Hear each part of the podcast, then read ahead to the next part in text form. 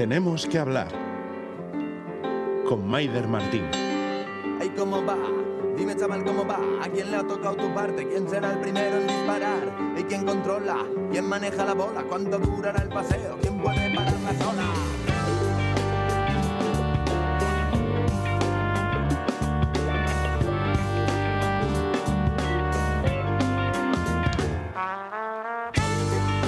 Hola, ¿qué tal andan? ¿Cómo llevan la semana? Nosotras les llegamos cargadas de ganas y queriendo poner el acento en la música, una de las cosas que más nos hace vibrar. Quien nos conoce ya lo sabe.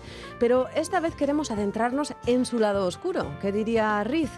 ¿Saben qué tienen en común Prince, Whitney Houston, Tom Petty o más cerca en el tiempo el rapero trapero Lil Peep bueno, sí, todos son músicos, pero todos murieron por sobredosis de fentanilo. El último en hacerlo ha sido Taylor Hawkins, el batería de los Foo Fighters, el 25 del pasado marzo. Su corazón, mejor dicho, sus pulmones, se pararon porque en el cóctel de drogas que llevaba en el cuerpo estaba el fentanilo, una droga sintética 50 veces más fuerte que la que se llevó por delante a Kurt Cobain, a Janis Joplin o a Jim Morrison, la heroína. Así que hoy tenemos que hablar de música y fentanilo.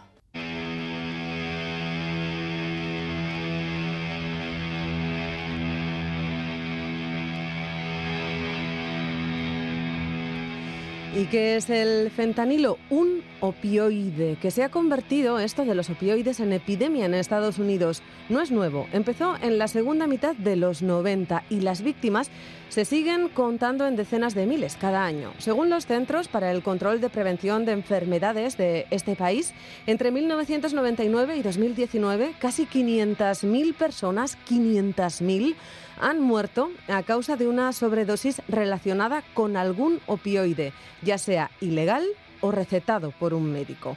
Solo en 2019, alrededor de 136 personas murieron cada día a causa de una sobredosis de opioides. Esto es, de todas las muertes por sobredosis de drogas diarias, el 70% lo hicieron por esto, por los opioides y en su mayoría por fentanilo.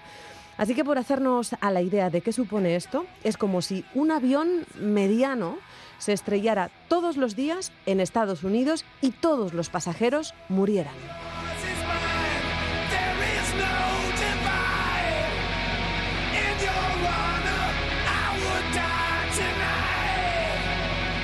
Esta crisis quedó invisibilizada con la llegada de la COVID, pero ya les decía que tras la muerte del batería Taylor Hawkins hace algo más de dos semanas, el acento se ha vuelto a poner en esta sustancia, en el fentanilo y también en la guerra de las farmacéuticas estadounidenses.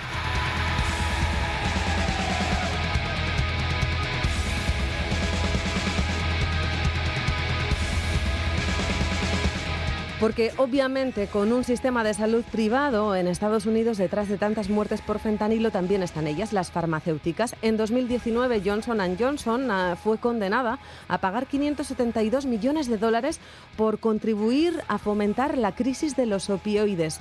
Contra esta fabricante y distribuidora se presentaron más de 1.500 demandas. Sin duda esta es la cara B de los opioides, la del abuso, la del enganche, la dependencia pero los opioides también son utilizados en medicina y esto es porque aportan ciertos beneficios a determinados pacientes tipo o con determinadas enfermedades.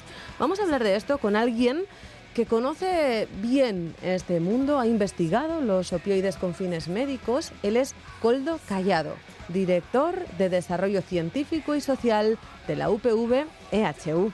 Hola Coldo, ¿cómo estás? Hola, buenos días. Antes que nada, empecemos por el principio. Para los novatos como yo, ¿qué son los opiáceos? Los opiáceos son en general una serie de fármacos, hoy en día la mayoría de ellos sintéticos, pero que derivan de productos naturales eh, de la planta del opio, por eso se llaman opiáceos. Entonces, inicialmente se empezaron a usar productos naturales que todos conocemos, como la morfina, incluso la heroína también es un opiáceo, y en los últimos años eh, se han generado compuestos eh, sintéticos que tienen una actividad similar y que ya no derivan directamente de la planta y que se usan principalmente para el tratamiento del dolor. ¿Uno de esos es el fentanilo? Sí, el fentanilo es un opiáceo sintético eh, que se ha diseñado, digamos, en el laboratorio y, y tiene sobre todo la virtud de que es bastante más potente que la morfina, que probablemente es el opiáceo que más eh, se conoce a nivel general, ¿no? Es un fármaco que tiene una analgesia, una capacidad de, parar, digamos, o controlar el dolor muy potente, pero al ser tan potente también es un fármaco que tiene dificultades a la hora de su manejo clínico, porque si nos pasamos un poco con la dosis, pues pueden aparecer problemas. De hecho, se necesita muy poca dosis de, de fentanilo, ¿no?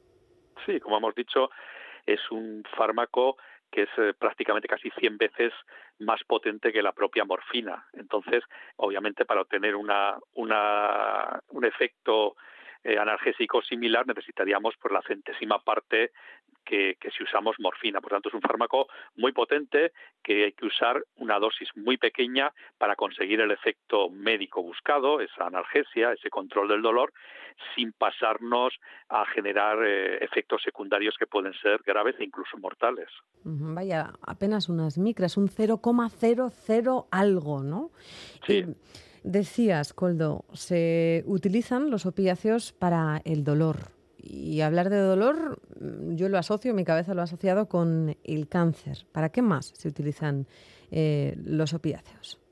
Sí, en principio para todos aquellos dolores que son fuertes. Estamos acostumbrados que para un dolor leve solemos utilizar AINES, eh, ibuprofeno, paracetamol, pero cuando ya estamos hablando de, dolores muy importantes, muy fuertes, como puede ser el dolor generado por un cáncer, pero también problemas traumáticos, problemas, por ejemplo, de alteraciones de la columna que pueden generar mucho dolor, en algunos casos se utilizan los opiáceos para conseguir controlar ese dolor y que el paciente tenga una calidad de vida adecuada. Por tanto, son fármacos, en este caso los opiáceos, reservados para dolores moderados o bastante importantes. Dentro de nuestro sistema de salud, intuyo, también se utiliza el fentanilo, como en Estados Unidos, solo que eh, allí ha generado una auténtica crisis y aquí no. ¿Por qué? Sí. Tenemos la enorme suerte de que la mayor parte de nuestro sistema de salud es un sistema público, un sistema público con excelentes profesionales que son conscientes de los beneficios que tiene el fentanilo, pero también de sus efectos adversos. Por ello, eh, son muy prudentes a la hora de utilizar este fármaco y lo utilizan en aquellas condiciones que es realmente necesarios. Sin embargo, en Estados Unidos se da la paradoja de que la mayor parte del sistema de salud es privado, con lo cual, eh, muy unido al propio sistema de vida americano, eh, el paciente paga al médico que le soluciona su problema. Entonces, si tú me quitas el dolor, yo te pago, y si no me lo quitas, me voy a otro médico. Por eso hay una mayor tendencia a utilizar fármacos opiáceos muy potentes que sí que van a quitar el, el, dolor de ese paciente, pero que en muchos casos pueden suponer un grave perjuicio. Pero como en parte esa medicina privada está basada en el negocio, sabes que si no le ofertas al paciente lo que quiere, se va a ir a otro sitio y se lo van a dar. Por eso allí, desde hace ya bastantes años, se ha generado una cierta epidemia de un exceso de utilización de opiáceos muy potente. Es decir, es lo que comúnmente decimos matar moscas a cañonazos. ¿no? En vez de ir escalando los fármacos poco a poco, si persiste el dolor, dar un poco más fuerte, un poco más fuerte, que es lo que sucede en un sistema público como el nuestro, ahí se empieza por el más fuerte porque va a funcionar fijo, aunque en muchos casos pueda suponer un, un peligro para el paciente.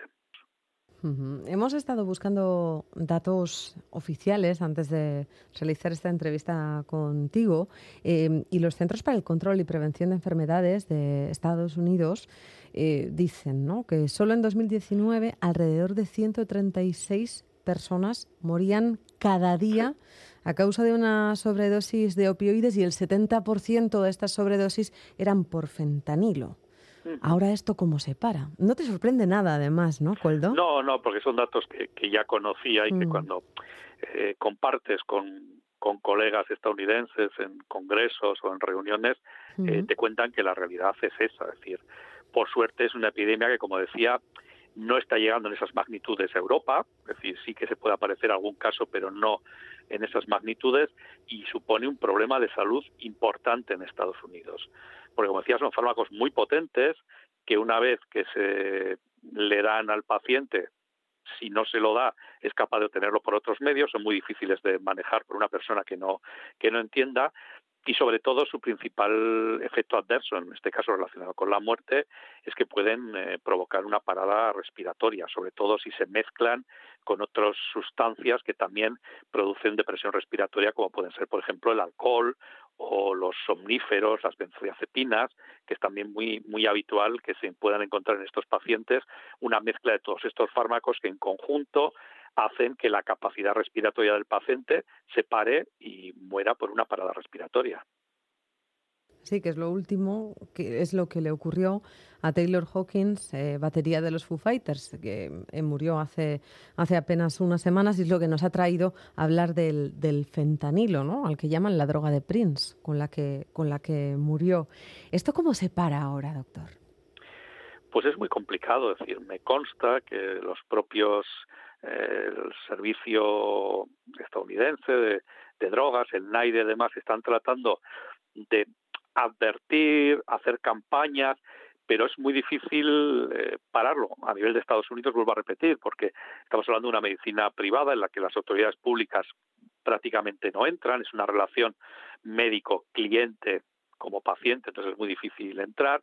Y sin embargo, yo creo que lo importante y es lo que quizás debiéramos recalcar, es que eso que está pasando en Estados Unidos debemos ser capaces de que no llegue a Europa, no llegue a Europa o no llegue hacia nuestro sistema de salud, donde creo que es, como comentaba al principio, más difícil, porque es un sistema principalmente público, con grandes profesionales que son conscientes de, de que están tratando pacientes, no solo clientes, y entonces es difícil que llegue, pero bueno, no es eh, baladí el dar la alarma de que esto está pasando, que está generando muchas muertes y que no puede ser algo que nos llegue aquí como otras modas que nos suelen llegar desde Estados Unidos. Bueno, pues doctor, toca seguir defendiendo lo público, como siempre, contra viento y marea. Sin duda, ¿eh? sin duda yo creo que es otro de los ejemplos de que un sistema de salud público con buenos y buenas profesionales en muchos casos nos sirve de protección frente a este tipo de problemas que se generan en otros sistemas de salud eh, diferentes. Coldo, Coldo Callado, director de Desarrollo Científico y Social de la UPV EHU, ha sido un placer recibir tu visita. ¿A quién tenemos que hablar? Vale, muchas gracias, Agur. Agur.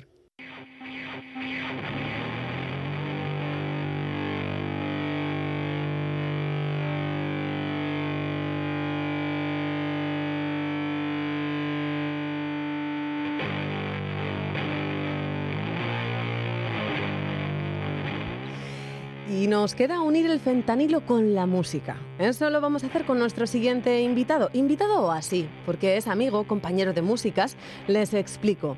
Si esto de la música les gusta de verdad, si la sienten, si la viven, entonces la consumen en directo y si es así, habrán ido e irán a todos los conciertos que puedan, o casi. Seguro que muchos de ellos aquí en Euskal Herria. Bueno, pues en medio de la marabunta me ha puesto lo que quieran a no ser que les guste el mainstream, ¿eh? que han visto a un tipo con barba, que sí, y no me hagan la broma, que ya sé que hay muchos. Bueno, les hablo del tipo con la barba más larga, más tocha, la estética más hardcore. A veces en versión moño en la cabeza, otras con gorra. Ese es nuestro siguiente acompañante hoy, activista contracultural. Se hace llamar Reuben Guidianaut aunque yo siempre le he llamado el Barbas de los conciertos. Hola Barbas, ¿cómo lo llevas? Pues bien, bien, un poco con afonía, pero, pero bastante bien. Va, no se te nota. Oye, vamos a hablar de música y fentanilo contigo. Y eso tiene un estilo musical asociado muy claro que no es este, que hemos elegido solamente para presentarte, Barbas. No, precisamente este no. Este estilo musical tiene asociada otro tipo de droga, otros humos. Otros humos, stoner. Eh, bueno, ¿qué nos traes? Fentanilo y trap. Mm, básicamente sí, porque son un género mm, trap o música urbana o, o, rap moderno o llámalo como quieras son un género y una droga que vienen prácticamente de la mano, o sea, son prácticamente sinónimos, pues igual como lo fue el LSD en la cultura de los 60. Los hippies. Efectivamente, cada década ha venido más o menos musicalmente marcada por... Eh, marcada musicalmente, pero además con una droga bastante asociada, pues en los 60 fue la, cultura, la contracultura del LSD, la marihuana y demás. Eh, en los 70 se empezó a descubrir la heroína, en los 80 aparte de la heroína entraron el speed y las primeras drogas de diseño, lo cual se llevó en los 90 hasta la cúspide de la ruta del bacalao, digamos, ya entrando en los 2000, que es cuando ya empezamos un poquito con la epidemia de los opioides que llamamos. Ujú, Y esto nos lleva a este trap. Take a pill and go to sleep. I'm chasing witches in the street. I'm the last page in your book. Can't write a song, only do hooks. Watching horses in the fields. The dragon rests in agony. When I'm afraid I lose my mind. It's fun, it happens all the time. When I'm afraid I lose my mind. It's fun, it happens all the time. Isolation caved in. Bueno, qué emo, qué triste suena esto y arranca eh, Jung Lin diciendo take a pill and go to sleep. Ya te lo está diciendo todo, ¿no? Sí, y como dices, eh, la- esa tristeza, porque precisamente el, el colectivo musical del, del que es cabeza o del que forma parte se hacen llamar los Sad Boys. Y es un poquito la corriente que está más en boga hoy en día, el, pues, el emo trap o ese- esa melancolía en estos sonidos urbanos más modernos, con más o menos autotune.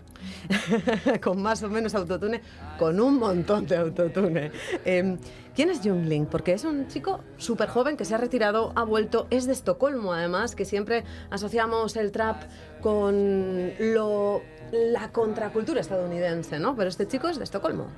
Sí, porque al final en este em, todo empezó un poquito con este género empezó a llamarse SoundCloud Rap. Ajá, todo empezó un mira. poquito con esa facilidad de que eh, pues en este mundo en el que vivimos eh, la facilidad que tiene es un chaval de Estocolmo para producirse en su habitación. Es un género que también se conoce como bedroom trap.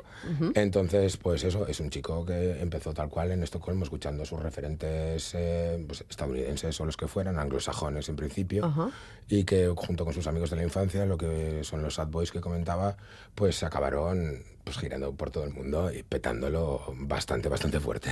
Un tipo que viene de la nada. Sí, absolutamente, pero como todos estos chavales en general, o sea, son chavales que vienen de su, de su habitación o de su trap house o de donde sea que, que hayan empezado a trastear con, con un Fruity Loops o con un micro y sin ni siquiera tarjeta de sonido enchufándose directamente a la placa base Sí. y haciendo, y haciendo pues como, pues un poco, es una frase que uso como mucho, sacándole un poco del contexto en el que estamos, pero digo, la chill mafia son los nuevos escorbuto y es que realmente el- esto, este movimiento, digamos, o, o- o este estilo musical tiene mucho del punk de otra era. Ajá. Un, un neopunk, así nos arriesgamos a decir. Sí, sí. Suspirando mucho, ¿no? madrileños, por ejemplo, que hacen, que bueno, que hacen nueva música urbana, como son los Tripping You, ahí lo llaman Neo Bacala, por ejemplo, que cogen esos referentes de la, de la ruta del bacalao de los 90 que hemos bailado las que vivimos aquellos años y, y- y lo traen al día de hoy a una lírica muy generacionalmente marcada por los tiempos que estamos viviendo. Eh, este chaval es un veinteañero, Jung Lin. No recuerdo exactamente, pero sí, veintipocos años. Es tiene, como sí, de los es muy, Muy, 90. muy jovencito, Sí. sí. Además, rollo, su éxito vino muy, muy, muy joven, o sea, apenas mayor de edad. eh, viene de la nada, ha estado al borde de la muerte por el consumo de drogas, pero ha tenido lo que antes llamábamos una buena crew, ¿no? Le ha rodeado una buena gente y le ha sabido un poco sacar de, de ahí, ¿no? Sí, todos estos artistas vienen un poquito también marcados por el entorno en el que se mueven, porque al ser eso, pues gente mm, más bien de barrio, no, bueno, nos hacemos un poquito la idea, todos hemos visto películas y tal y demás de raperos en barrios negros y esto. Pues esto es lo mismo, sí. Básicamente lo mismo, lo que pasa que eh, normalmente cuando un rapero alcanza un cierto éxito, una cierta repercusión y empiezan a entrar los billets, entonces es cuando de repente se te suben al carro un montón de amigos e interesados por Los los billets, la droguita, la pasta fácil, las groupies, etcétera, etcétera. En el caso de Jun Lin, al ser su entourage o su crew, los Sad Boys, ser amigos de la infancia, creo, personalmente, eso es una opinión totalmente personal, creo que sí eso ha podido marcar un- un- una diferencia entre cómo han acabado otros artistas como el propio Jung Lin o- y cómo ha acabado él mismo, un rollo sobreviviendo a pesar de haber perdido a su manager en el proceso, retirándose, digamos, a las montañas, como decías, como decíamos antes, eh, un poco como hizo Bob Dylan en su momento, para volver como con más fuerza y esta canción que poníamos al principio es Agony, la que da título a ese disco con el que volvió, que está impregnada de esa melancolía de, de los Sad Boys y de esa melancolía generacional de la que hace gala este género. Lil Peep no tuvo tanta suerte, no tuvo tantos buenos amigos y para quien no le conozca es este tipo que ha muerto por sobredosis. Ahora vamos a contar eh, cómo también ultra joven. Esta es, este es su tema, uno de los más conocidos. Ahora nos cuentas.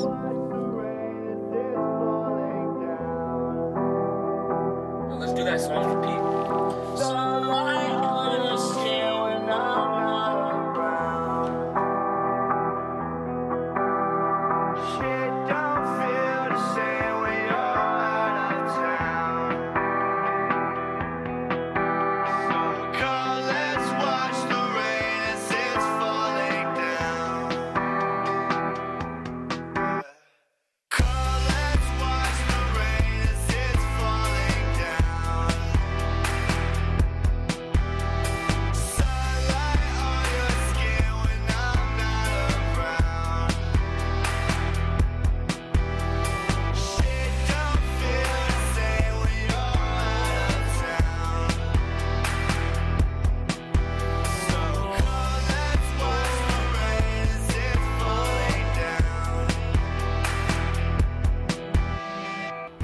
Peep, decíamos, no tuvo tanta suerte como Jung Lin. Este murió y murió con 21 años por sobredosis, eh, un cóctel de drogas, entre otras el fentanilo, por supuesto. Sí, este pues igual no tenía un entorno tan sano como el que, bueno, tan sano entre comillas, Sí. como el que hablábamos antes de, de Jung Lin. Y, y sí, murió de un cóctel. Es el problema que tiene el fentanilo.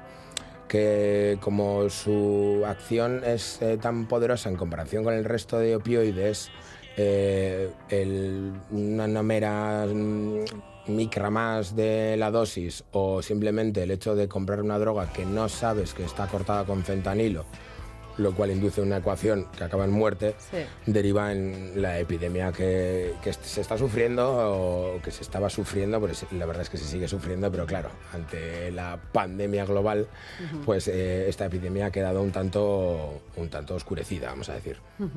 ¿Quién es Lil Peep? Es uno de estos referentes, digamos, de, de lo que vendría a ser el, el bedroom trap o el, esta SoundCloud rappers eh, o tal o demás de raperos que se hacen, que se hacen a sí mismos. Eh, sí que es cierto que a lo mejor también por el hecho de, de haber fallecido, haber fallecido tan joven, haber fallecido en estas circunstancias, etcétera, etcétera, sí que es cierto que igual le ha encumbrado em, como mejor músico de lo que opino que es, por ejemplo. Porque esta canción, por ejemplo, sonaba, es una colaboración con XXX Tentación, que sí que me parece, por ejemplo, un músico muchísimo mejor o de mayor nivel, vamos, ya opinión personal, Sí. aunque su fallecimiento no se debe precisamente al consumo de drogas, aunque también era un politoxicomano importante. Vamos con alguien que ni glorifica ni hace apología del género, es Lil Shan. Hey, moving silent though. Hey, I'm moving silent though. Yeah, hey, uh, fuck it, yeah. Hey, hey, what? Moving silent though. Yeah, hey, I ain't got no hoe. Hey, snakes get silence though. Hey, silence on my heater. Yo, bitch in my two seater. Hey, yo, team need a new leader. Hey, I just pulled a four with my two liter. Hey, she call me a daydreamer. What? Rolling in the beamer, about the beam, I'm in the beamer, yeah. Cream soda for my lean, yeah. It ain't even a thing, yeah. Can't relate, y'all only meditate, talk shit.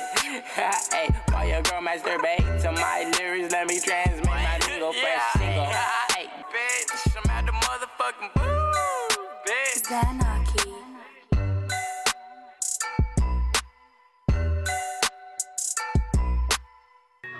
bitch. It's gang, bitch. We out here. Hey, join the wave, shine, no fuck. Some of this shit, shit, spell, you shit. Oh, fucking days, yeah, fucking yeah. Oh, I'm gonna kill myself, bitch. Bueno, este es Lil Shan. ¿Quién es este tipo? Bueno, pues este es otro de estos chavalillos ahí que, bueno... eh, Estadounidense, raíces lleva- mexicanas. Lleva como, como, pod- como podéis comprobar en el nombre, lleva, se llama Lil Shan en Shan, de Shanax. Entonces ya lo lleva en el nombre, igual que Jun Lin lleva el Lin, que es un preparado de codeína con refresco, con Sprite y tal y demás. O sea, ya vienen con ello ya en el nombre. Sí. Entonces, nada, es un chavalín que, a ver, si quiere sigue, seguir, seguir, sigue consumiendo, pero es un tipo, pues eso, que siempre ha hecho un poco como, no, apología, pero siempre ha tenido presente eh, pues el, el Xanax, eh, la codeína, o todo este tipo de drogas, eso, el Lean, el Dirty Sprite y tal y todo esto, eh, presente en una ideología de un género que está, pues, prácticamente impregna todas las canciones de una manera u otra en las letras o o referencias, guiños o simplemente el título, como Shanarchy, que era el, el- tema que hemos el tema que hemos escuchado. escuchado, sí. Este como, como prácticamente el resto, menos Jungling que viene de, de Europa, son estadounidenses, vienen de lugares muy deprimidos. Lil Chan, por ejemplo, se ha pasado la vida, he leído por ahí, viviendo en moteles californianos, em, dejó el colegio sin acabar la secundaria, se metió a ser barrendero, aquello no le gustaba y empezó a trapear lo que decías tú, haciendo bedroom trap, ¿no? Desde, desde, su, desde su casa y ahí, de ahí al cielo, ¿no? De ahí al mayor de los éxitos que no está sabiendo gestionar como el resto de traperos o que está gestionándolo, mezclándolo con, con un montón de drogas y algunos acaban como Lil Peep, ¿no? Sí, de hecho, además hoyo. eso literalmente es de su bedroom trap, eh, porque Ajá. trap es el término que se les daba a las casas donde precisamente se, se vendía la droga. Ajá. Y, y el, el amigo Lil Shan, pues eso, entre beat y beat y grabación y grabación, eh, pues vendía un par de bolsitas de merca, unas cuantas pastillitas, solo que Ya. se terciara en aquella, en aquella trap house. Ya, ya.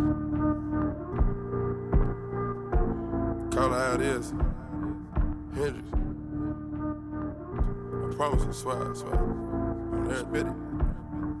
Yo, Percocet, Miley Percocet, Percocet, Miley Percocet, rep Bueno, pues así está el percal entre estas jóvenes estrellas de la música urbana internacional. Chavales nacidos en los 90 que vienen del conflicto, de la nada y que de lo que tenían a su alrededor han hecho éxito y canciones. ¿Y a su alrededor qué estaba y está? Pues los medicamentos, la droga, de la que en muchos casos hacen apología. Ejemplo de ello, este tema del trapero Future se llama Molly and Percocet. Tiene millones de escuchas. Este es su mayor aval, el de un trapper que quizá ustedes no conozcan, pero que está en la cúspide de la música urbana actual. Ya decimos, muchos de estos jóvenes, él incluido, consumen estos opioides comprados en el mercado negro, Xanax, fentanilo, y que acaban con ellos absolutamente enganchados. Al principio del programa, el doctor en farmacia Coldo Callado nos decía que la crisis sanitaria que sufre Estados Unidos con el fentanilo, con los opioides en general, no se da aquí ni de lejos. Al otro lado del teléfono tenemos a Marisol Mondragón, jefa de adicciones del Hospital de Galdacao. Hola Marisol, ¿cómo estás?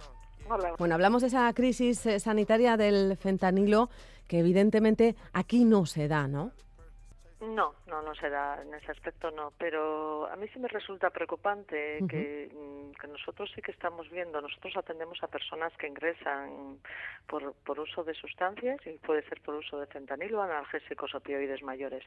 Y sí que observamos eh, un aumento en, en, en el número de ingresos.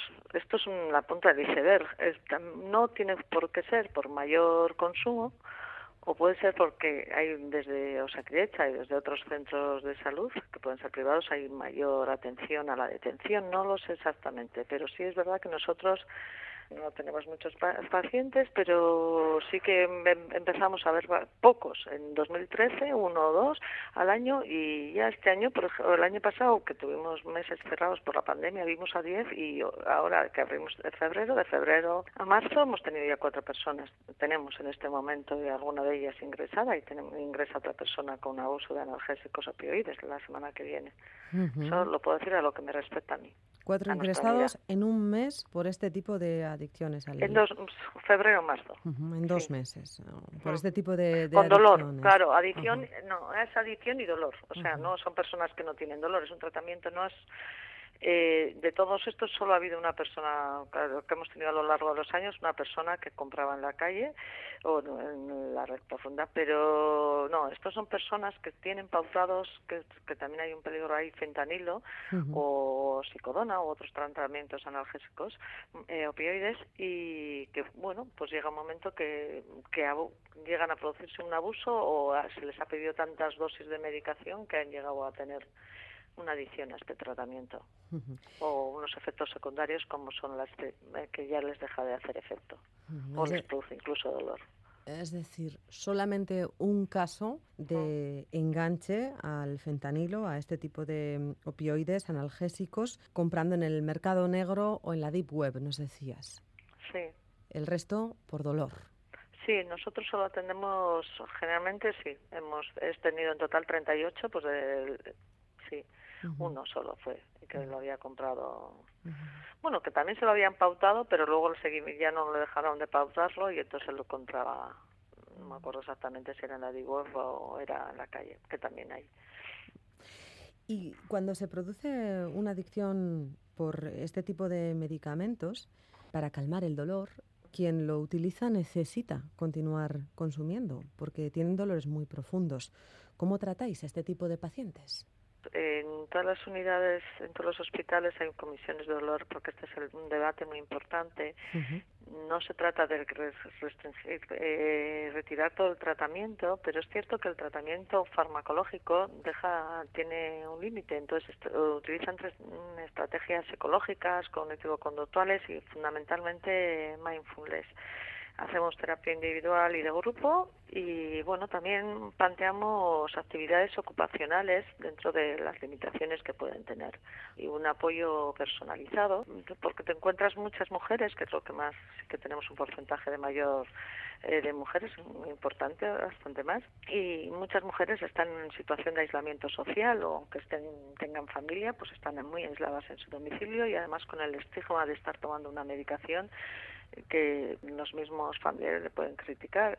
Entonces, buscamos estrategias un poco también, de, no solo aquí, sino de cara al alta, que puedan buscar apoyos externos. Me está acordando justo de una persona que contactamos con un centro de atención a la mujer, pues porque esa persona en concreto eh, eh, estaba sola en aquí y lo único que tenía una dependencia de su expareja, que tampoco era lo mejor para su correcto funcionamiento. Y nos dices que el perfil de las personas adictas a este tipo de opioides son mujeres en su mayoría, mujeres con dolores. Eh, ya está descrito que el dolor crónico generalmente Sí, quien precisa mayores sí. dosis son mujeres, suele ser un tercio. Nosotros hemos los tres cuartas partes de las personas que han ingresado han sido mujeres.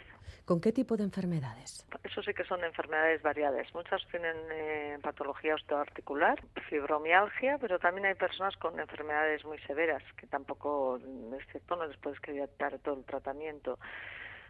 Pero es cierto que altas dosis de analgésicos opioides de fentanilo tampoco les resulta totalmente efectivo.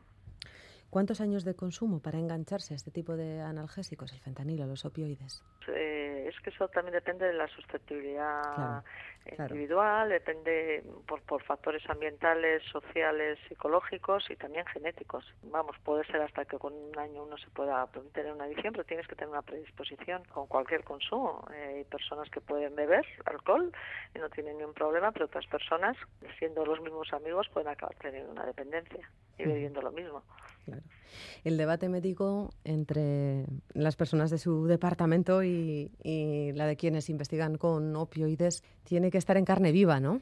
Mm, Sí, sí, estamos en ello y estamos teniendo reuniones y también hablamos con unidades de investigación y, Y pronto creo que voy a hablar con Coldo Callado porque yo tengo en este momento tengo un interés especial en este área de dolor y mujer y sí querría también hablar con él por unas ideas a nivel de lo que es la anticipación al dolor. Ya no solo el dolor mm, mismo, sino el miedo a tener el dolor. que yo creo que es donde se puede empezar a abordar de otra forma. Interesante. Entre tanto, cuando ya sentimos el dolor, cuando el miedo se va porque el dolor ya llega, ¿hay otra manera de tratarlo que no sea con opioides? ¿Se vuelve a poner en la mesa el debate de los cannabinoides? por ejemplo. Sí, sí, lo está poniendo, pero todavía a nivel de Osakicha ciertamente no, no es algo que se esté debatiendo mucho. O sea, sí que lo hemos nombrado y lo hemos planteado, pero no se está planteando que lo vamos a empezar a poner. Bueno, pues eh, ha sido muy clarificador hablar contigo, Marisol, Marisol Mondragón, jefa de adicciones del Hospital de Galdacao. No sé si quieres añadir algo más. No, nada más, no, no. De momento, eso sí, no estamos en una crisis sanitaria, como ocurre en Estados Unidos. No, crisis sanitaria no, pero sí es verdad que tenemos que tener una alerta ante este tema que es muy grave. Pues abrimos los ojos y estamos atentas. Muchas gracias, Marisol. Un abrazo. gracias a ti.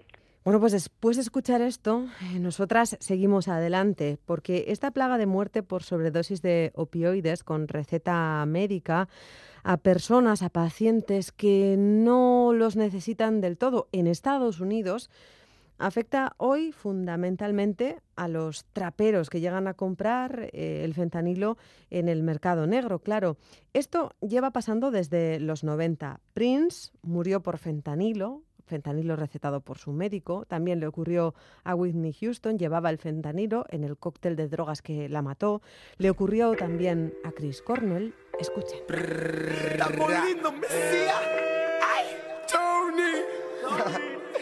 Rico, Rico, Rich, eh. Camus, Chula, eh. Shitty, Easy, yeah. Sana que sana. Drogado, papeados, tirado en mi cama. Pella en el vaso se desarma. Es problema mío si muero dormido. Las pulsaciones se me apagan. Tengo que morirme de algo que, eh, eh, eh. Lo siento mi cara, lo siento mis pies. Cuando en ese 2012 muere Whitney Houston, los opiáceos llevan ya apenas casi una década arrasando con la sociedad en Estados Unidos y matando a muchísimos artistas en silencio, algo de lo que no se quería hablar porque no se quería generar una alarma social. Al final, estos no eran como los artistas de antes, que morían de sobredosis de heroína comprando la heroína a un camello debajo de un puente esos artistas estaban muriendo con medicamentos que compraban en farmacia y que les estaban recetando a sus médicos, con lo cual los compraban con receta médica.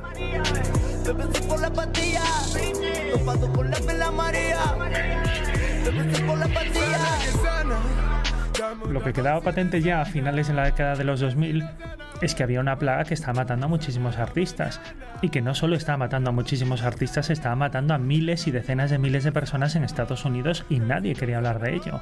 Para que os hagáis una idea, cuando en el 2009 muere Michael Jackson, en Estados Unidos habían muerto de sobredosis por ese tipo de sustancias apenas 600 personas. Cuando en el 2012 muere Whitney Houston, habían muerto más de 2.000. Pero es que el año pasado solo en Estados Unidos murieron más de 72.000 personas por sobredosis de este tipo de sustancias, precisamente opiazos de mucha gente que se acabó enganchando con recetas médicas.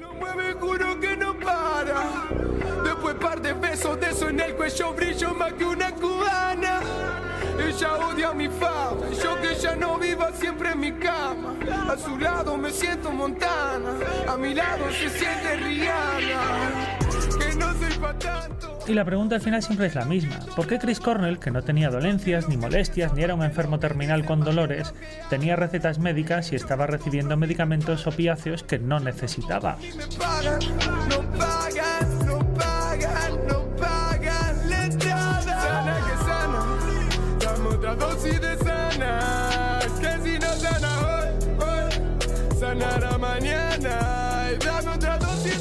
Bueno, pues ya lo dice Music Radar Clan, un youtuber muy ilustrado que nos gusta mucho, a ti y a mí, eh, Barbas. Muchísimo, muchísimo. Que Me sabe de música.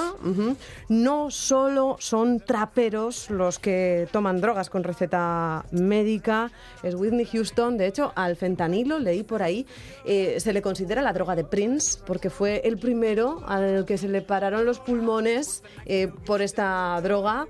Eh, Chris Cornell también lo cita.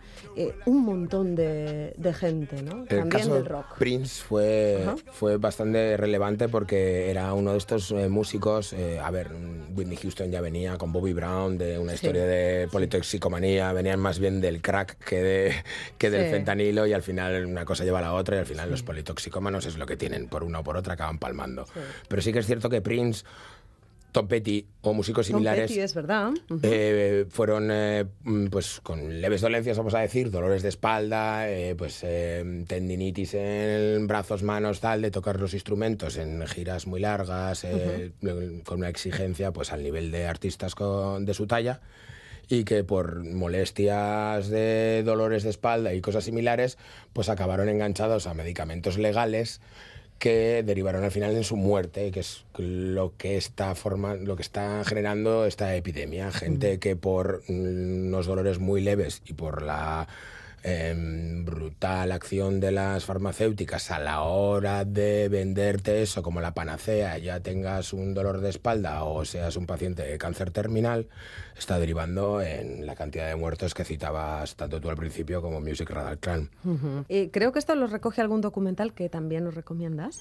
Sí, recomiendo sobre todo El crimen del siglo. Es un documental en dos capítulos larguitos cada uno, digamos cada hora y media, Hora dos y horas. media, sí. Y que cada uno se centra un poco en las dos empresas farmacéuticas eh, pues, que han venido a generar todo esto. El primero en, en Pu- Purdue Pharma de la familia Sackler y luego Insys de John Kapoor y, bueno, sobre todo el segundo capítulo es muy, muy recomendable. Todas las intervenciones del jefe de comerciales que se presta a- al documental y alargar absolutamente todo y es increíble, increíble de ver lo que llegaban a hacer con tal de que la peña consumiera su producto. Bueno, pues ahí queda la recomendación. Pero vámonos de aquí con más alegría, con más hype. Eh, ¿Qué me recomiendas? Salgamos por la puerta con. Con emo trap, pero con otra cosa, dame luz. ¿no? Bueno, ¿O pues qué? eso, para terminar vamos a terminar con Emotrap. Hemos abierto con Agony de Yun Lin, hemos hablado bastante de Yun Lin como, bueno, ella es una artista que me gusta muchísimo, la verdad. Y, y bueno, y esta canción que vamos a poner, Red Bottom Sky, me parece que es mm, muy esperanzadora dentro de la melancolía inherente al género y al, y al chaval y a lo que ha vivido. Y me parece una canción preciosa para terminar todo esto en una nota un tanto positiva, teniendo en cuenta de lo que hemos hablado. Bueno, pues vamos, que suene, que suene.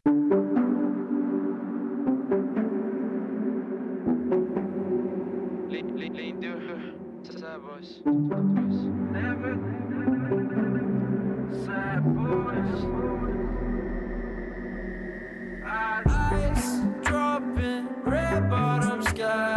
Intrigued by the moment, look like she know why. Bueno, esto ya suena a otra cosa, tiene otro brillo. Reuben, barbas para los amigos. Barbas para mucha gente. Volverás. Sí, claro, cuando queráis. Yo Como encantado. Terminator, No, volveré. Yo, tengo un vicio a esto que no veas. Bueno. Entonces, yo a mí cual- todo lo que sea hablar y de música, siempre bien. Pues aquí te esperamos. Te hago una propuesta. Chill Mafia. Ah, sí, sí, sí, cuando queráis, claro, claro, otra vez, sí, sí, sí. Un cara a cara aquí con el Beñat. Pues tenemos que hablar de Chill Mafia. Será próximamente. Entre tanto, hablen. Hablen de todo lo que quieran. También de drogas. De eso solo hablen. Onky Billy.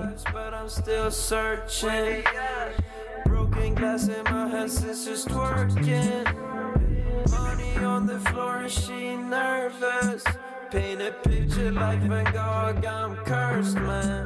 Skirt, skirt to the moon, bitch, I'm swerving.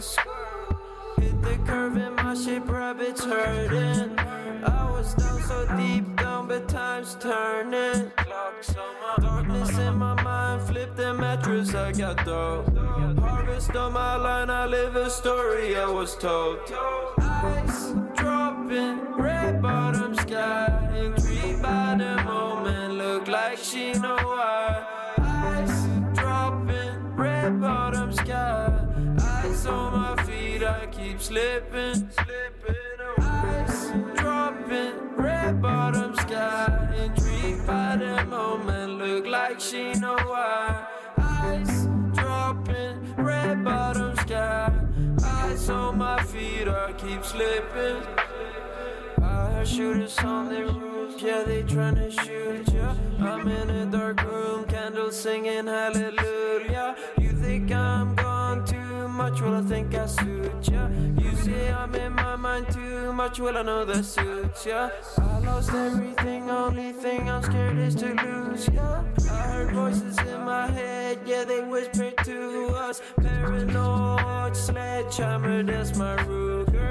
Woke up, realized I had to move up. Worked my soul away every day, now my loot up.